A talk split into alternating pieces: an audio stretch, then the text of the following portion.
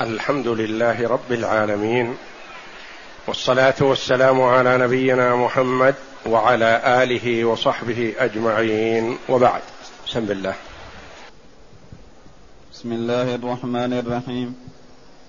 قال المؤلف رحمه الله تعالى الحديث الثالث والثلاثون بعد المئتين عن علي بن أبي طالب رضي الله عنه قال أمرني النبي صلى الله عليه وسلم أن أقوم على بدنه وأن أتصدق بلحمها وجلودها وأجلتها وألا أعطي الجزار منها شيئا وقال نحن نعطيه من عندنا. هذا الحديث عن علي بن أبي طالب رضي الله عنه قال أمرني النبي صلى الله عليه وسلم أن أقوم على بدنه. البدن جمع بدنه وهي الإبل المهداة للبيت الحرام. وأن أتصدق بلحمها يعني أن لحمها يكون صدقة لأنه أهداها لبيت الله فلحمها صدقة. ونحرها على اسم الله جل وعلا عباده. فهي جمعت بين العبادة بالذبح لله جل وعلا وبين الصدقة التي ينتفع بها الفقراء والمساكين المجاورون لبيت الله الحرام. وأن أتصدق بلحمها وجلودها كذلك لا يباع منها شيء بل يتصدق بها وأجلتها. الجلال هو الذي يوضع على البدنه على البعير.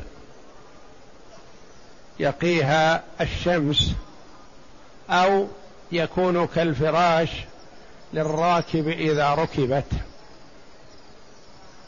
وهذه الأجلة تبع لها وهي أخرجها المرء لله جل وعلا فلا يستعيد منها شيئا. لا يستعيد منها شيء إلا أنه له أن يأكل مثل غيره لأن النبي صلى الله عليه وسلم أمر بأن يؤخذ من كل بدنة بضعة يعني قطعة لحم صغيرة. فطبخت فشرب النبي صلى الله عليه وسلم من مرقها وأكل منها فكأنه أكل من جميع بدنه. وألا أعطي الجزار منها شيئا. لا أعطي الجزار الذي يذبحها. ومن المعلوم أن النبي صلى الله عليه وسلم نحر بيده الشريفة ثلاثا وستين بدنة عليه الصلاة والسلام. ووكل علي رضي الله عنه في نحر ما بقي من المئة. لأنه عليه الصلاة والسلام أهدى مئة بدنة. هو قارن عليه الصلاة والسلام بين الحج والعمرة. والقارن يكفيه شاة أو سبع بدنة. وهو عليه الصلاة والسلام أهدى مئة بدنة. ومن يعظم شعائر الله فإنها من تقوى القلوب. فلا أحد من الخلق أتقى لله جل وعلا من رسوله محمد صلى الله عليه وسلم فهو أتقى الخلق لله وأخشاهم له عليه الصلاة والسلام. وألا أعطي الجزار منها شيئا على سبيل الأجرة. الجزار الذي تولى تقطيع اللحم. وإلا النحر فقد نحرها النبي صلى الله عليه وسلم وعلي رضي الله عنه. لكن الجزار تولى التقطيع. فلا يعطى أجرة تقطيعه منها وإنما إن أعطي على سبيل الصدقة إذا كان فقير أو أعطي على سبيل الهدية إذا كان غني فيصح لأن هذه البدن التي هي تطوع يؤكل منها ويهدى ويتصدق. فإذا كان الجزار فقيرا وأعطي لفقره.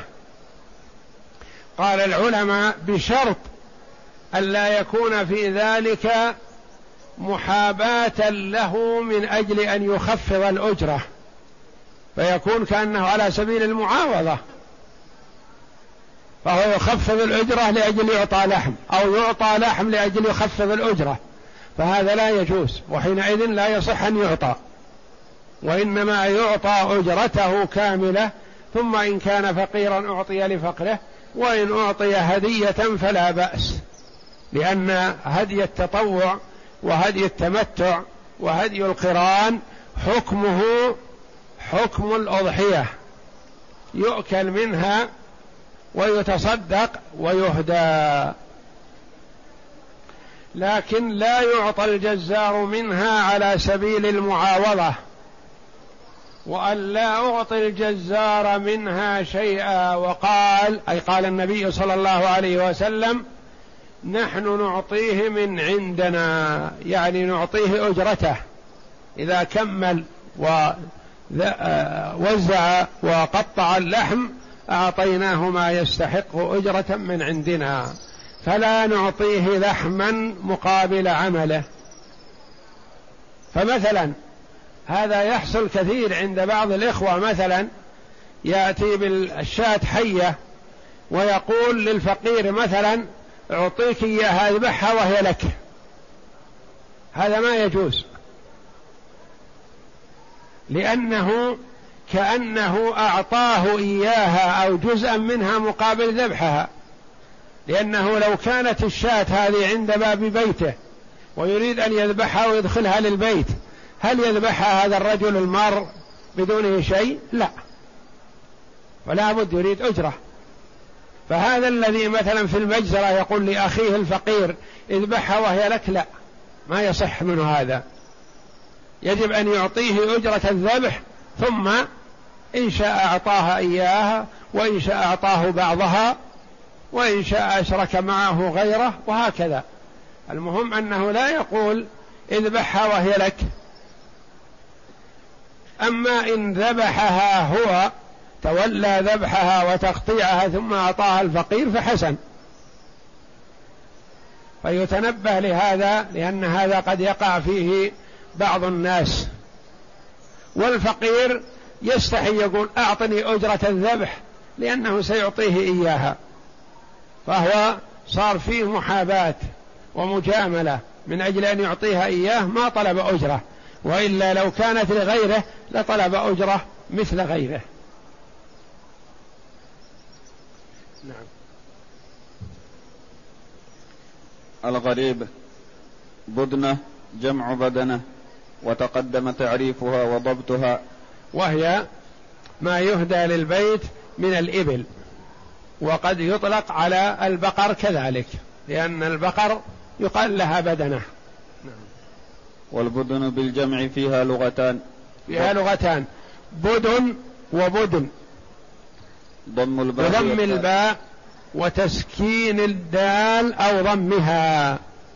بدن ضمتين وبدن ضمة فسكون وهي جمع بدنة. نعم.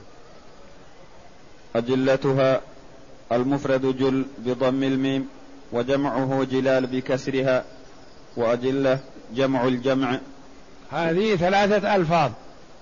جل وجلال وأجلة. جل مفرد يعني الذي يوضع على البعير. جلال واحد اثنان ثلاثة خمسة عشرة يقال لها جلال. جمع الجمع أجلة. جمع الجمع يعني جلال وجلال وجلال يقال نعم والجل هو ما يطرح على ظهر البعير من كساء ونحوه. نعم. ألا يعطي الجزار منها شيئا أي من لحمها عوضا عن جزارته. عوضا عن جزارته وأما إذا أعطي لفقره أو أعطي هدية فلا بأس. نعم. والجزارة أطراف البعير كالرأس. الجزارة الجزارة أطراف البعير. ثم نقلت إلى أجرة الجزار لأنه كان في الغالب أن الجزار يأخذ الأطراف أطراف الشاة تكفيه أجرة. يأخذ الرأس مثلا والكرعان ونحوها تكفيه أجرة. فهذه الجزارة. نعم. والجزارة أطراف البعير كالرأس واليدين والرجلين ثم نقلت إلى ما يأخذه الجزار من الأجرة. لأنه كان يأخذ تلك الأطراف عن أجرته. المعنى الإجمالي قدم النبي صلى الله عليه وسلم مكة في حجة الوداع ومعه هديه وقدم علي بن أبي طالب رضي الله عنه من اليمن ومعه هدي. قدم النبي صلى الله عليه وسلم من المدينة وقد ساق هديا. وقدم علي رضي الله عنه من اليمن ومعه هدي للنبي صلى الله عليه وسلم. فاجتمع هدي النبي صلى الله عليه وسلم الذي جاء به من المدينة والذي جاء به علي من اليمن مئة بدنة. وأشرك النبي صلى الله عليه وسلم عليا رضي الله عنه معه في هديه الذي هو مئة من الإبل. فكان مئة من الإبل من المعلوم أنها تكفي عن سبعمائة حاج قارن أو متمتع. نعم. فكان هدي النبي صلى الله عليه وسلم مئة بدنة فنحر بيده الشريفة صلى الله عليه وسلم ثلاثا وستين بدنة وأمر علي رضي الله عنه أن يقوم على نحر الباقي وأن يتصدق بلحمها. دل على جواز التوكيل في نحر الهدي وتوليه مع قدرة صاحبه على القيام به. فهو عليه الصلاة والسلام نحر بيده الشريفة ثلاثا وستين بدنة. ولعل في هذا إيحاء وإشعار بعمره صلى الله عليه وسلم لأنه حينما نحر كان عمره ثلاث وستون سنة عليه الصلاة والسلام. إلا أشهر. ووكل علي رضي الله عنه في نحر الباقي دل على جواز التوكيل في نحر الهدي وإن كان المهدي قادرا على التولي بنفسه. ولكونها قدمت لله تعالى فلم يحب صلى الله عليه وسلم استرجاع شيء منها. يعني ما أحب أن يسترجع شيء منها وإلا مثل الأجلة ما لها علاقة فيها. لو استرجعها المرء مثلا هي له لأنه أهدى البدنة. فلو استرجع الأجلة أو الرحل الذي يكون عليها أو الرسن أو المقود ونحو ذلك فلا بأس بهذا. نعم. ولذا أمره أمره بالتصدق بلحمها وجلودها وأجلتها. وذلك الجلود وإن كانت لا تؤكل فهي يتصدق بها أو ينتفع بها. يعني لا حرج على المرء أن ينتفع بجلد أضحيته أو جلد هديه إذا كان هدي تمتع أو قران أو تطوع. أما هدي الجبران فلا ينتفع منها صاحبها بشيء إطلاقا لأنها جبران لما حصل منه من نقص فلا يأخذ منها شيئا. وبما أنها صدقة للفقراء والمساكين فليس لمهديها حق التصرف بها أو بشيء منها على طريق المعاوضة. يعني على طريق المعاوضة ما يصلح أن يبيع منها شيء أو يعطي منها أحدا شيئا من أجل أن يخدمه بشيء. لا وإنما على سبيل الهدية أو الصدقة أو أن يأكل منها صاحبها. نعم. فقد نهاه أن يعطي جازرها منها معاوضه له على عمله وإنما وعده أن يعطيه أجرته من غير لحمها وجلودها وأجلتها. ما يؤخذ من الحديث أولا مشروعية الهدي وأنه من فعل النبي صلى الله عليه وسلم. يعني سنة رسول الله صلى الله عليه وسلم. والهدي ما يتقيد أو يكون في الحج فقط بل في الحج والعمرة وبدونهما. المرء مثلا يكون في مكانه في بلده فيرسل هدي مع صاحبه. أو يكلف صاحبه في مكة مثلا يقول اشتر لي هدي واذبحه. وليس متقيدا في أيام العيد مثلا ثلاثة أيام بعده في كل وقت. مثلا النبي صلى الله عليه وسلم جاء في عمرة الحديبية في غير وقت الحج وأهدى. والمرء مثلا أحب أن يهدي في مكة سواء كان ساكن في مكة أو جاء من بعيد أو أرسل الهدي وهو في مكانه. كلاه مشروع لأن الذبح عبادة لله جل وعلا. الذبح على اسم الله عبادة. والصدقة باللحم على فقراء الحرم عبادة لله جل وعلا. فهي جمعت بين عبادتين يحبهما الله جل وعلا. قل إن صلاتي ونسكي ذبحي. صلاتي قرن الله جل وعلا الذبح بالصلاة. قل إن صلاتي ونسكي ذبحي لله لا شريك له. فالذبح عبادة سواء كان في مكة أو في غيرها لكن إذا كان إهداء لبيت الله فهو أفضل. والصدقة بلحمه عبادة لله جل وعلا ونفع للفقراء. ثانيا الأفضل كونه كثيرا عظيم النفع. ولا يعتبر إسراف. لأن هذا العبادة لا إسراف فيها. التقرب إلى الله جل وعلا لا إسراف فيه. فأبو بكر رضي الله عنه لما تصدق لما حث النبي عليه الصلاة والسلام على الصدقة ذهب أبو بكر وجاء بكل ماله. صدقة لله ما قال له أسرفت. أو تجاوزت الحد لا. والنبي صلى الله عليه وسلم شرع بأن القارن عليه هدي شاة واحدة أو سبع بدنة وهو عليه الصلاة والسلام أهدى مئة بدنة فلا إسراف في هذا. وعمر رضي الله عنه جاء بنصف ماله لما حث النبي صلى الله عليه وسلم على الصدقة.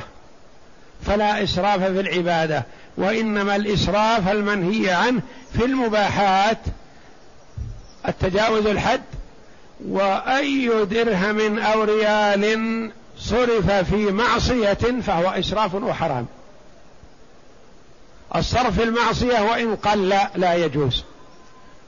والإسراف في المباحات منهي عنه. ولا إسراف في الطاعات.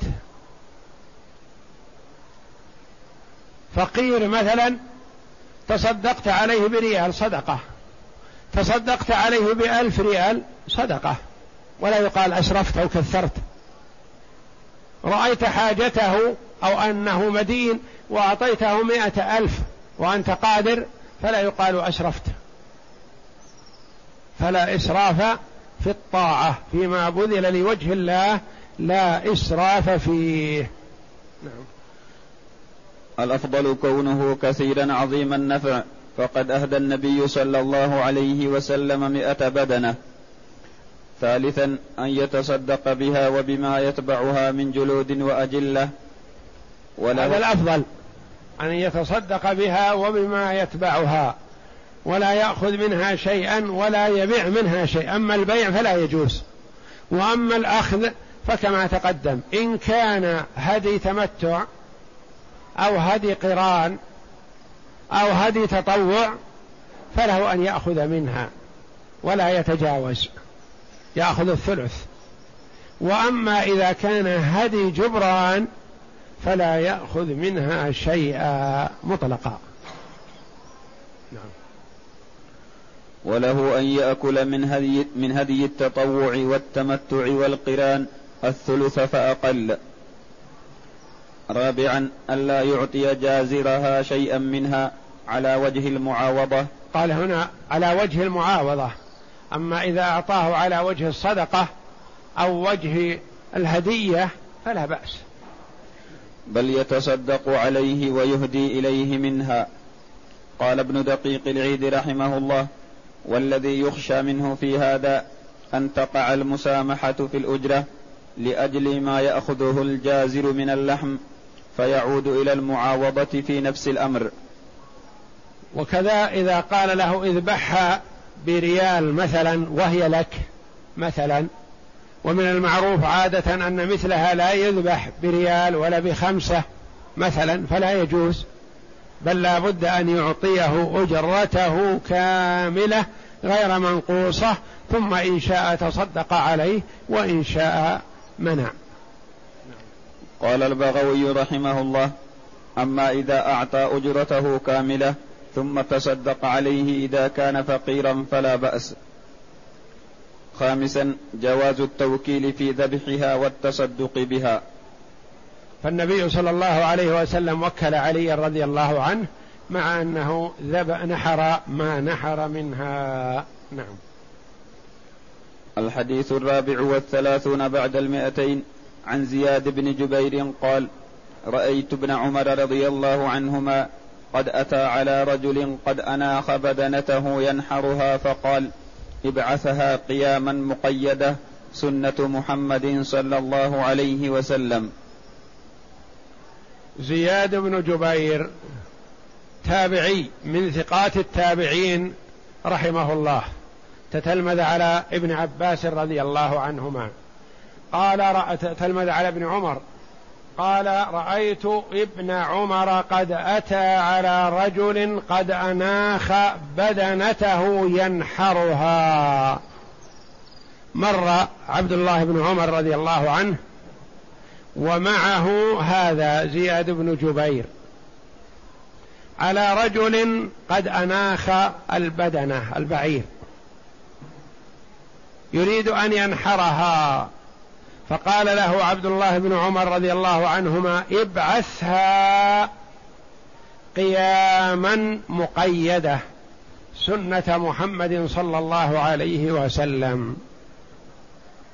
أرشده رضي الله عنه إلى السنة. هو قد أناخ بعيره يريد أن يذبحه أو ينحره وهناك فرق بين الذبح والنحر. النحر للبدنة للبعير. والذبح للبقرة والشاة ونحوها. والنحر يكون من أسفل الرقبة. والذبح يكون من أعلى الرقبة مما يلي الرأس. ويجوز ذبح ما ينحر ونحر ما يذبح.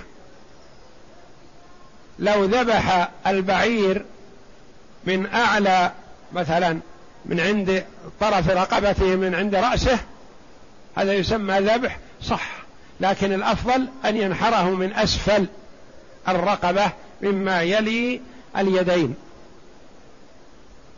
والشاة والبقرة تذبح يعني تذبح من طرف الحلق مما يلي الرأس. ولو ذبحها من أسفل نحرها مما يلي اليدين صح فلا بأس. يجوز ذبح ما ينحر ونحر ما يذبح. ينحرها فقال ابعثها يعني دعها تقوم. أثرها خلها ثائرة قائمة. قياما يعني واقفة. معقو مقيدة. مقيدة أي معقولة يدها اليسرى. قال هذه سنة رسول الله صلى الله عليه وسلم. فالسنة عند ذبح البدنة أن يريخها ثم يعقل يدها اليسرى ثم يقيمها يبعثها قياما ثم ينحرها من أسفل الرقبة مما يلي الصدر واليدين. قالوا هذا أسهل لذبحها ونحرها وإزهاق روحها. يعني تخرج الروح بسرعة وسهولة. بخلاف ما إذا كانت مقيدة مناخة فإنها تتأخر كثيرا في خروج روحها ويكون في هذا مشقة على الحيوان.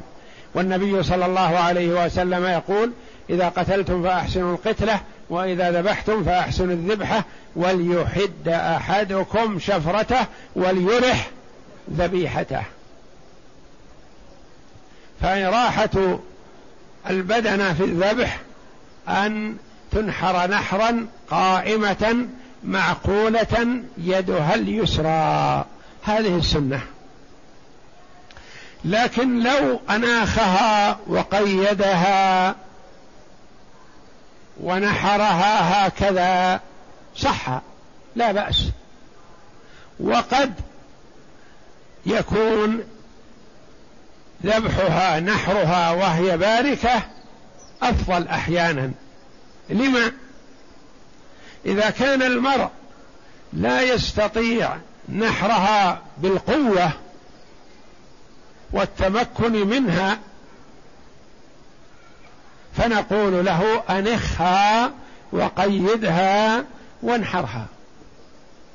لأنه إذا كان لا يستطيع نحرها بقوة لأن الغرض من قيامها وعقلها وكونها واقفة إراحتها.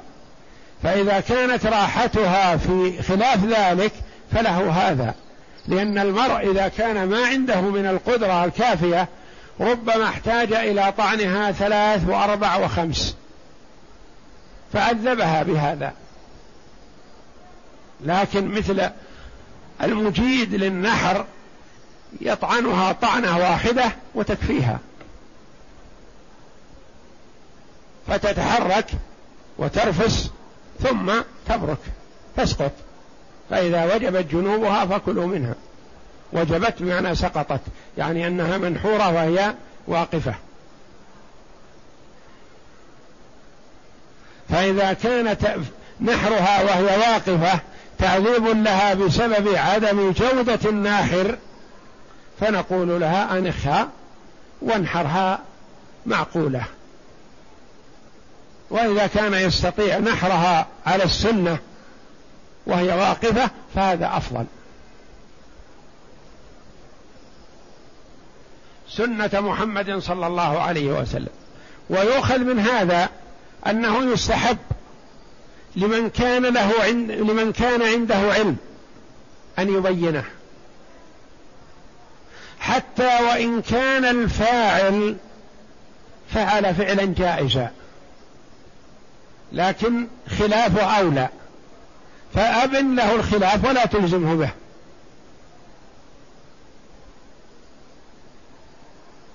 فمثلا إنسان عنده علم في شيء ما وآخر ما عنده. رأيت شخصا مثلا كبر تكبيرة الإحرام وقال أعوذ بالله من الشيطان الرجيم بسم الله الرحمن الرحيم الحمد لله رب العالمين. هذا فعله جائز. لكن إذا سلم قلت له يا أخي لو استفتحت بعد تكبيرة الإحرام وقبل القراءة سنة رسول الله صلى الله عليه وسلم. قد يقول لك قائل هل هو يجب عليه الاستفتاح؟ أقول لا ما يجب عليه. لكني أنا أرشده للسنة إن أخذ بها فالحمد لله.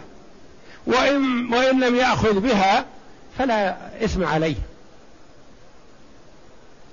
فهذا أرشد ابن عمر رضي الله عنهما أرشد الناحر إلى السنة مع أن نحره لبدنته وهي باركة جائز والحمد لله.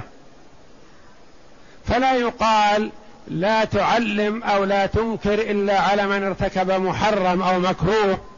أما من فعل جائز فلا تتعرض له. لا فعل جائز لكني أبين له ما هو أفضل.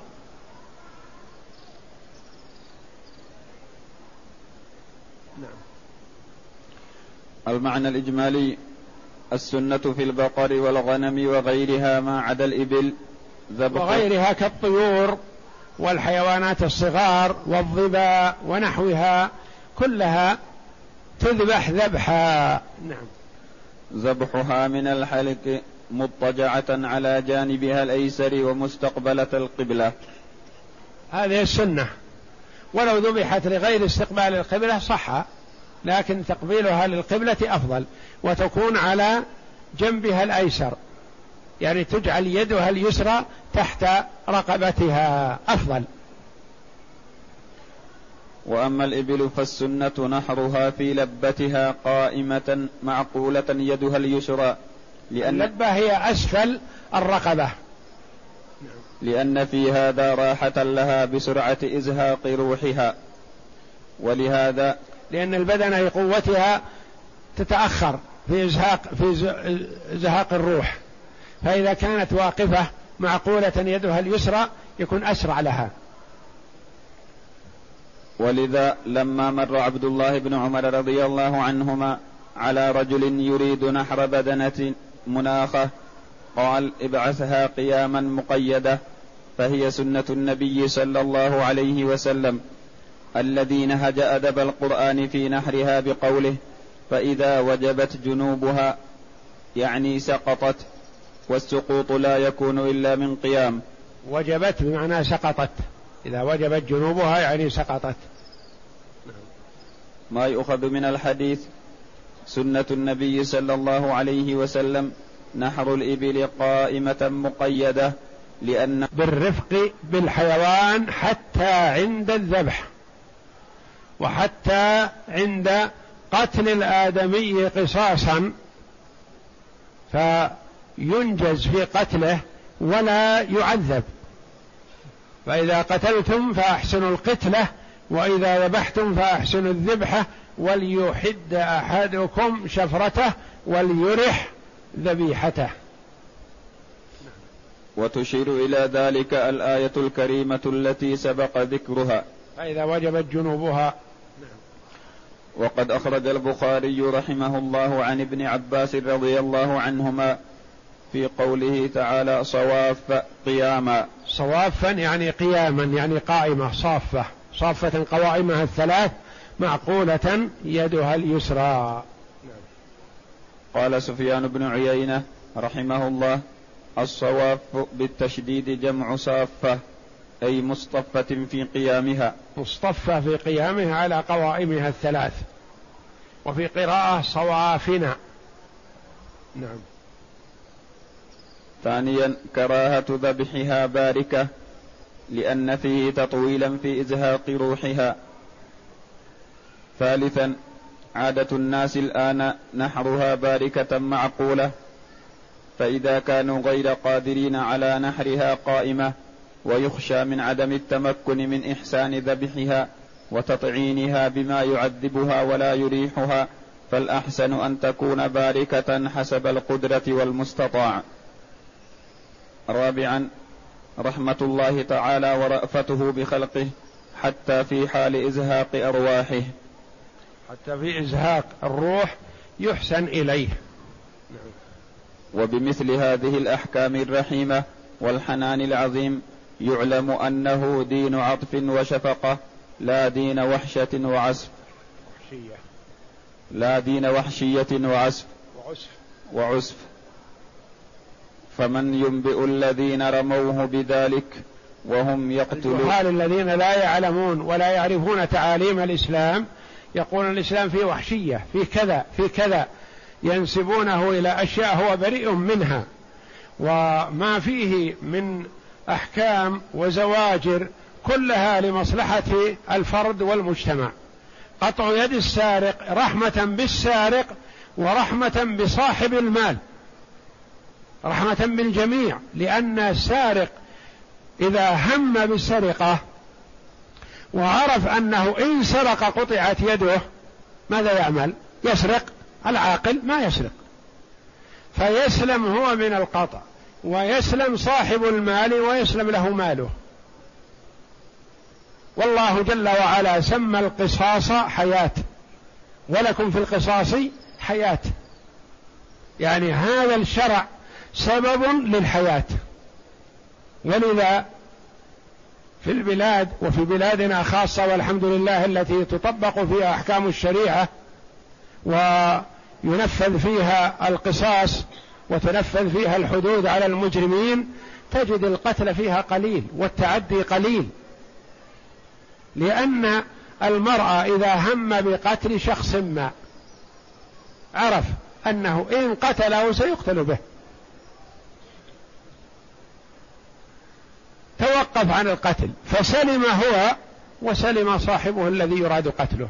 سلم الاثنان. وإذا عرف أنه لن يقتص منه سارع في القتل فقتل هذا وقتل هذا وقتل هذا والنتيجة أنه يحبس. وربما يحبس شهرا أو شهرين ويحصل أمر ما ثم يخرج. ويكون أزهق عددا من الأرواح والنتيجة أنه حبس اياما ثم خرج يسفك الدماء. وإذا علم أنه سيقتص منه لا محالة حينئذ يتوقف. فلذا سمى الله جل وعلا القصاص حياة. لأنه سبب تشريع القصاص سبب للحياة والحمد لله. وإنما الوحشية والهمجية هي التعدي بغير حق والظلم. وقتل الأمم وقتل الأفراد والجماعات بغير حق. زور وبهتان وعدوان. وتلصيق تهم لا أصل له ولا حقيقة لها من أجل أن يبرروا ما يريدون من سفك الدماء والعياذ بالله. كما يفعل بإخواننا المسلمين في كثير من أقطار العالم.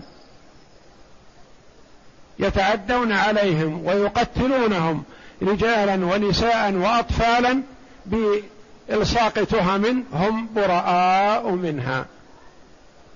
ولو قتل شخص من الكفار أو أشخاص لأقاموا الدنيا ولا أقعدوها. في إزهاق أرواح بريئة وهكذا وهكذا يقولون. وهم أعداء مجرمون. فمن ينبئ الذين رموه بذلك وهم يقتلون أبرياء بني آدم في عقر دارهم لعلهم يفقهون. نعم باب الغسل. باب الغسل للمحرم. الحديث الخامس والثلاثون بعد المئتين عن عبد الله بن حنين أن عبد الله بن عباس رضي الله عنهما والمسور بن مخرمة اختلفا بالأبواء فقال ابن عباس رضي الله عنهما يغسل المحرم رأسه. وقال المسور لا يغسل المحرم رأسه. قال فأرسلني ابن عباس إلى أبي أيوب الأنصاري رضي الله عنه فوجدته يغتسل بين القرنين وهو يستتر بثوب فسلمت عليه فقال من هذا؟ فقلت أنا عبد الله بن حنين أرسلني إليك ابن عباس يسألك كيف كان رسول الله صلى الله عليه وسلم يغسل رأسه وهو محرم. فوضع أبو أيوب رضي الله عنه يده على الثوب فطأطأه حتى بدا لي رأسه ثم قال للإنسان يصب عليه الماء أصبب فصب على رأسه ثم حرك رأسه بيديه فأقبل بهما وأدبر ثم قال هكذا رأيته صلى الله عليه وسلم يفعل وفي رواية فقال المسور لابن عباس لا ما أريك بعدها أبدا. لا أماريك. لا, أم لا أماريك بعدها أبدا. هذا الحديث باب الغسل للمحرم.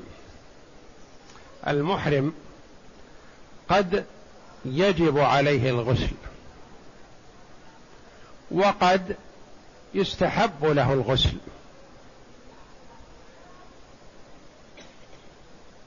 يجب عليه الغسل مثلا إذا احتلم محرم من المعلوم ما يحل له أن يقع في جنابة باختياره لكنه احتلم فوجب عليه الغسل. يستحب له الغسل عند دخول مكة شرفها الله. إذا جاء محرم من بعيد فيستحب له الغسل. مثلا أحرم من ميقات أهل المدينة وأخذ يسير في الطريق قرابة عشرة أيام. فإذا وصل حدود مكة وأراد الدخول يستحب له أن يغتسل ليدخل مكة. إذا كان عند أحد المواقيت القريبة ونوى واغتسل للإحرام ونوى بغسله هذا للإحرام ولدخول مكة صح. لأنه يغتسل من الميقات ويحرم ويدخل مكة بعد نصف ساعة أو ساعة. فقد يستحب له الغسل وقد يجب. إذا استحب له الغسل أو وجب عليه الغسل كيف يغسل رأسه؟ الخلاف في المسائل العلمية وارد والنقاش بين طلبة العلم وارد ولا يلوم بعضهم بعضا. ولا يلزم بعضهم بعضا برأيه إلا إذا جاء بسند عن رسول الله صلى الله عليه وسلم. فهذان الصحابيان رضي الله عنهما عبد الله بن عباس رضي الله عنهما والمسور بن مخرمة. صحابيان اختلفا. قال عبد الله بن عباس رضي الله عنهما وكان أفقه. المحرم يغسل رأسه. فقال المسور المحرم مأمور بأن يبقى على شعثه وعلى غبرته. ويبتعد عن الترفه والاستمتاع بشيء من الطيبات يمنع منه. فقاس رضي الله عنه على هذا أن المحرم لا يغسل رأسه. يبقى يترك رأسه على غبرته وعلى شعثته. فتنازعا ابن عباس رضي الله عنهما كأنه ما حفظ شيء عن النبي صلى الله عليه وسلم أو حفظ لكن ما أراد أن يأتي به من نفسه. المسور رضي الله عنه قاس قياس ودل على أن النقاش في القياس والتأمل وارد ولا بأس به. فإذا اختلف الاثنان فيحكما غيرهما من هو أعلم منهما. ودل على ابن أن ابن عباس رضي الله عنهما عنده علم. فأرسل عبد الله بن حنين تابعي إلى أبي أيوب الأنصاري رضي الله عنه الصحابي الجليل صاحب رسول الله صلى الله عليه وسلم يسأله كيف كان يغسل رسول الله صلى الله عليه وسلم رأسه. أنا أقول أن ابن عباس عنده علم. لأن سؤال ابن عباس رضي الله عنه سؤال العالم مو بسؤال المسترشد. ما أرسل يسأله هل كان رسول الله صلى الله عليه وسلم يغسل رأسه؟ لا. قال كيف كان رسول الله صلى الله عليه وسلم يغسل رأسه؟ كان ابن عباس عنده يقين على أن الرسول يغسل رأسه لكن ما هي الصفة؟ فأراد أن تأتي الصفة من أبي أيوب الأنصاري رضي الله عنه. ومن الصدف المباركة أن المسؤول جاءه السائل وهو يغسل رأسه. وجده بين قرنين القرنين هما العمودان على جانبي البئر. ووضع عليهما أبو أيوب رضي الله عنه ثوبا يستر عمن حوله. ويستحب للمرء التستر حتى وإن كان خاليا أو لا يراه أحد. فإن كان يراه أحد وجب عليه الستر. فجاء السائل إلى أبي أيوب وهو قد وضع ثوبا على قرنين عمودين على جانبي البئر. قائمان. يغتسل. فقال السلام عليكم. دل على أنه يجوز السلام على من يتوضأ أو يغتسل. ما لم يكن يستنجي. إذا كان يقضي حاجته أو يستنجي فلا. لأنه إذا كان مباشر للنجاسة فلا ينبغي لك أن تسلم عليه لأنك تضطره إلى أن يرد السلام وهو يكره له في هذه الحال. أما إنسان يغتسل فتسلم عليه. وخاصة أنه في غير مكان قضاء الحاجة بين عمودين على جانبي البئر فسلم عليه فقال من؟ قال أنا فلان. إنما أرسلني إليك ابن عباس ودل على أن المرأة إذا أرسل من قبل اثنين فذكر أشهرهما فلا بأس. ما يلزم أن يقول أنا مرسل من قبل فلان وفلان وفلان إلى آخره. قال أنا مرسل إليك من قبل ابن عباس. يسألك كيف كان رسول الله صلى الله عليه وسلم يغسل رأسه؟ فأبو أيوب رضي الله عنه قال في الثوب الذي يستره هكذا طعطعه أنزله ورفع رأسه. فصار عبد الله بن حنين يرى رأس أبي أيوب ولا يرى سائر بدنه. فوضع يديه على رأسه وأقبل بهما وأدبر. أقبل بهما الإقبال هكذا. يعني وضعهما فوق الناصية ثم أقبل بهما إلى الأمام والجبهة. ثم أدبر بهما إلى مؤخرة الرأس. ولم يقل إنه أدخل أصابعه في رأسه لأن هذا عرضة لأن يقطع شيئا من الشعر وإنما مسح هكذا. يغسل ظاهره فقال هكذا فأراه تطبيقا عمليا.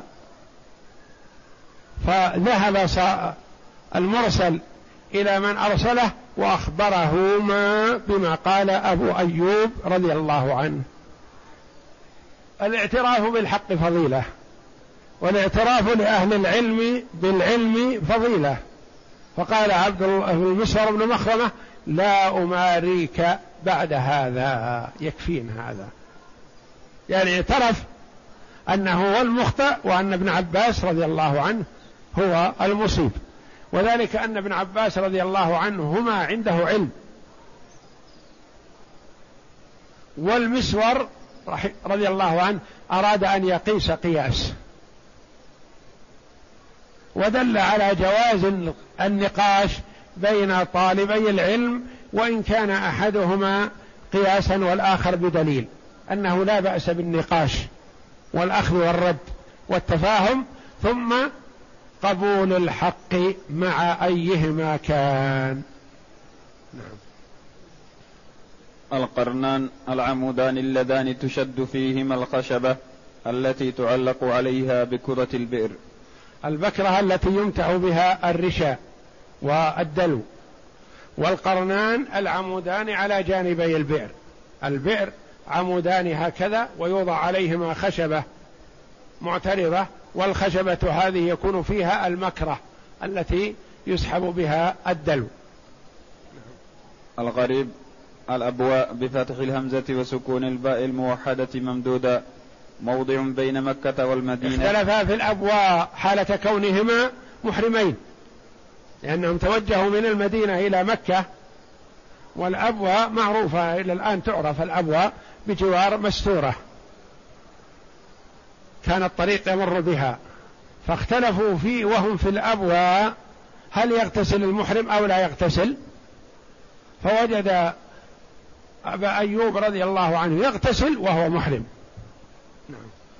موضع بين مكة والمدينة يقع شرقي قرية مستورة بنحو ثلاث كيلومترات وسيل الأبواء ومستورة واحد.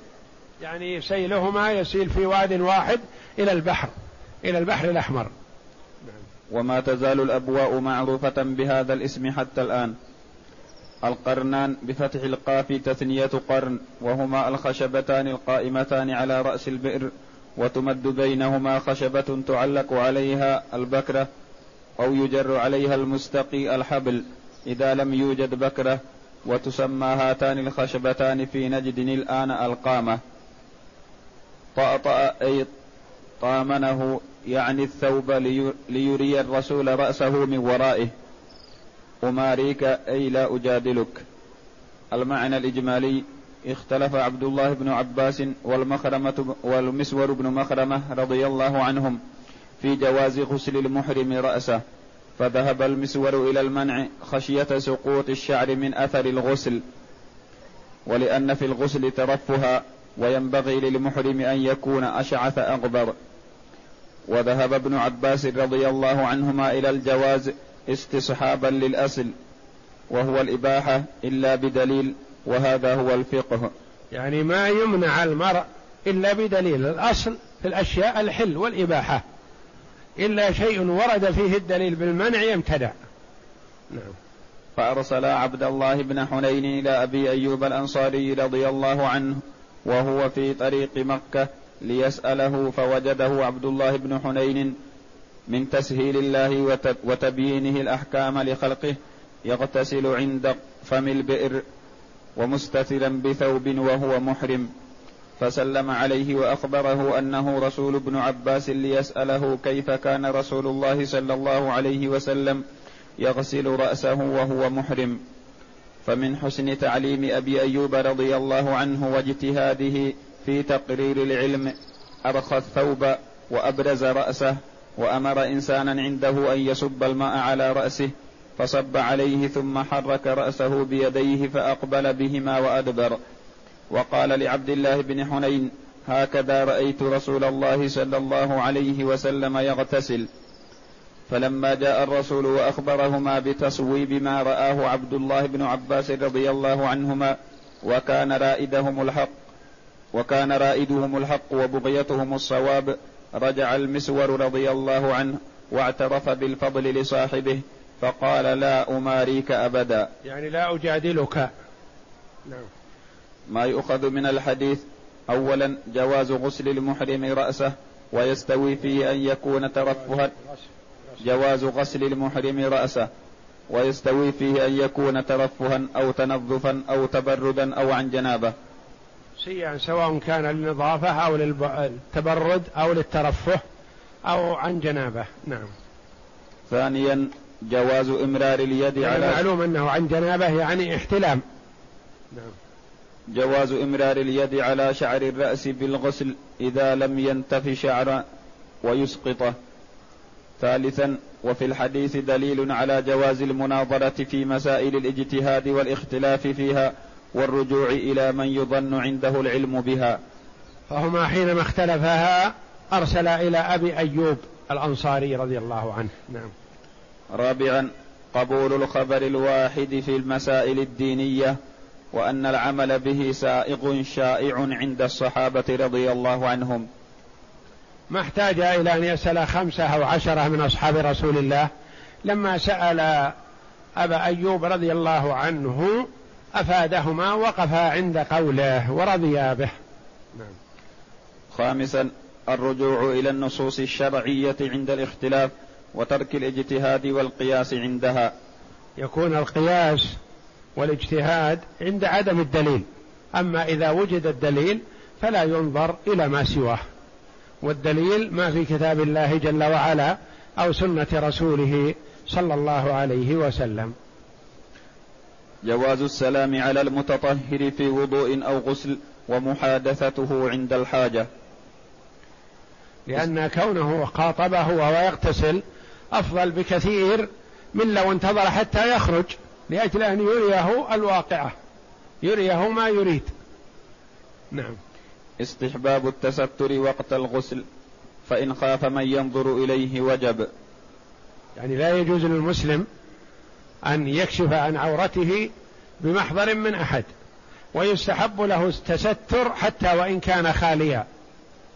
إن كان خاليا يستحب له ولا يجب وإن كان بمرأى من الناس فيجب عليه التستر. جواز الاستعانة في الطهارة بالغير. جواز الاستعانة بالغير لأن أبا أيوب رضي الله عنه استعان بهذا الرجل الذي يصب عليه من بعد من من وراء الستر. يعني هذا الرجل يصب على أبي أيوب الماء وبينه وبين أبي أيوب الثوب. يصب على رأسه. سؤال ابن عباس رضي الله عنهما أبا أيوب رضي الله عنه يفيد أن عنده علما نقليا عند عن غسل المحرم. وأن أبا أيوب رضي الله عنه يعرف ذلك فقد سأله عن كيفية الغسل لا عن أصله. قال شيخ الإسلام رحمه الله ويستحب الغسل للإحرام ولو كانت المحرمة نفساء أو حائضا. الغسل للإحرام كلام شيخ الإسلام رحمه الله يعني عند إرادة الإحرام يستحب استحبابا أن يغتسل حتى وإن كانت المرأة حائض فيستحب لها أن تغتسل. حتى وإن كانت نفساء يستحب لها أن تغتسل. وإن كان الاغتسال لا يطهرها لكن تخفيفا. هذا عند الإحرام وهذا غير المسؤول عنه. لأن المختلف فيه بين الصحابيين هو الاغتسال للمحرم بعد إحرامه. أما قبل الإحرام فهذا مستحب. وإن احتاج المحرم إلى التنظيف كتقليم الأظافر ونتف الإبط وحلق العانة ونحو ذلك فعل ذلك. هذا كله يحسن أن يفعله المرء قبل قبل الإحرام خشية أن يحتاج إليه بعد الإحرام. وإلا فليس أخذهما سنة. لا يقال يسن أن يفعل هذا. نقول إن كنت تخشى أن تحتاج إلى هذا بعد الإحرام فخذه قبل الإحرام. وأما إذا كانت كنت لا تحتاج إلى هذا فلا يستحب لك أخذه حينئذ ولا يقال إن هذا سنة. وهذا ليس من خصائص الإحرام ولكنه مشروع بحسب الحاجة وهكذا يشرع للجمعة والعيد على هذا الوجه. قلت والغسل الذي تجادل فيه ابن عباس والمسور ليس الغسل من الغسل من أجل الإحرام وإنما هو الغسل أثناء الإحرام وهو الذي فعله أبو أيوب رضي الله عنه. والله أعلم وصلى الله وسلم وبارك على عبده ورسول نبينا محمد وعلى آله وصحبه أجمعين.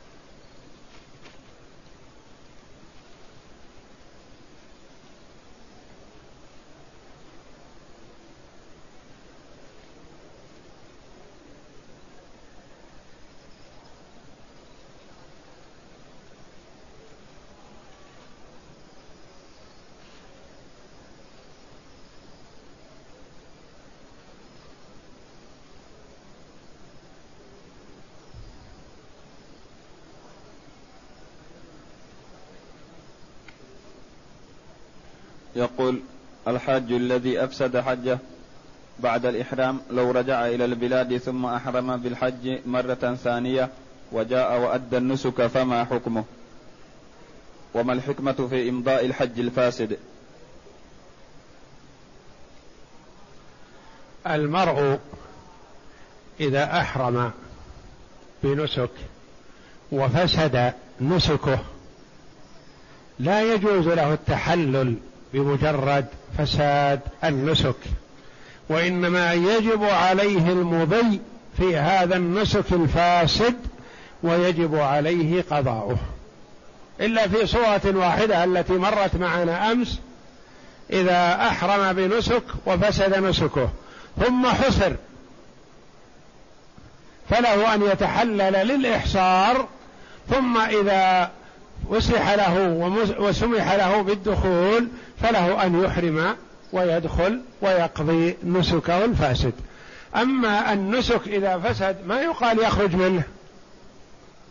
إذا أحرم بنسك ثم فسد ما نقول له أخرج منه وعد إلى أهلك لا. يجب عليه أن يمضي فيه وأن يفعل ما يفعل الحجاج مع أن نسكه فاسد. ويقضي بدله.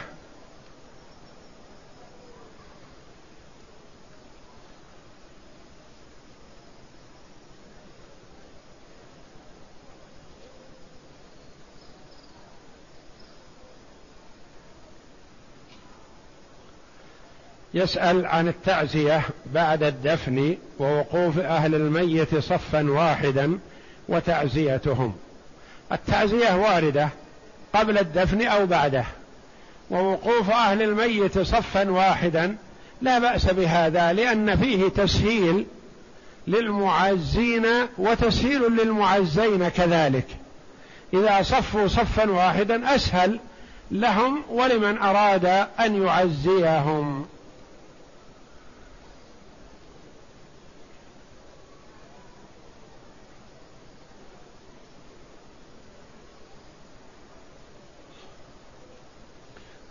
يقول هل يجوز استرجاع الأجلة والجلود أم لا؟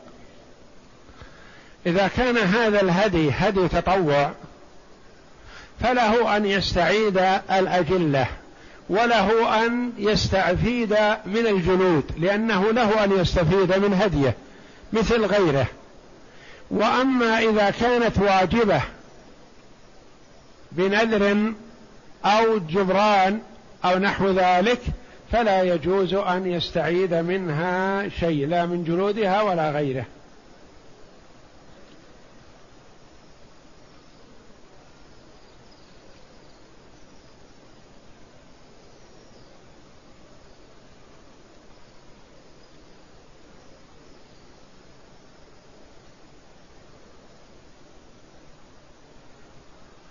يسأل عن قضية رضاع ويعقبها زواج. يقول إن أخاه رضع من أم أمه وهو يريد أن يتزوج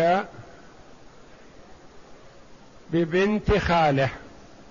إذا كان هذا الذي يريد الزواج ما رضع من أم أمه ولا رضع من امرأة خاله. والبنت التي يريد أن يتزوجها بنت خاله لم ترضع من أم أبيها ولم ترضع من أم هذا الرجل الذي يريد زواجها فيصح له أن يتزوجها. حتى وإن كان أخوه الذي أكبر منه أو أصغر منه رضع من أم أمه أو رضع من امرأة خاله لأن المهم في الرجل الذي يريد الزواج والبنت الزوجة. هؤلاء ليس بينهما رضاء لم يرضعا من جدتهما ولم يرضع أحدهما من أم الآخر.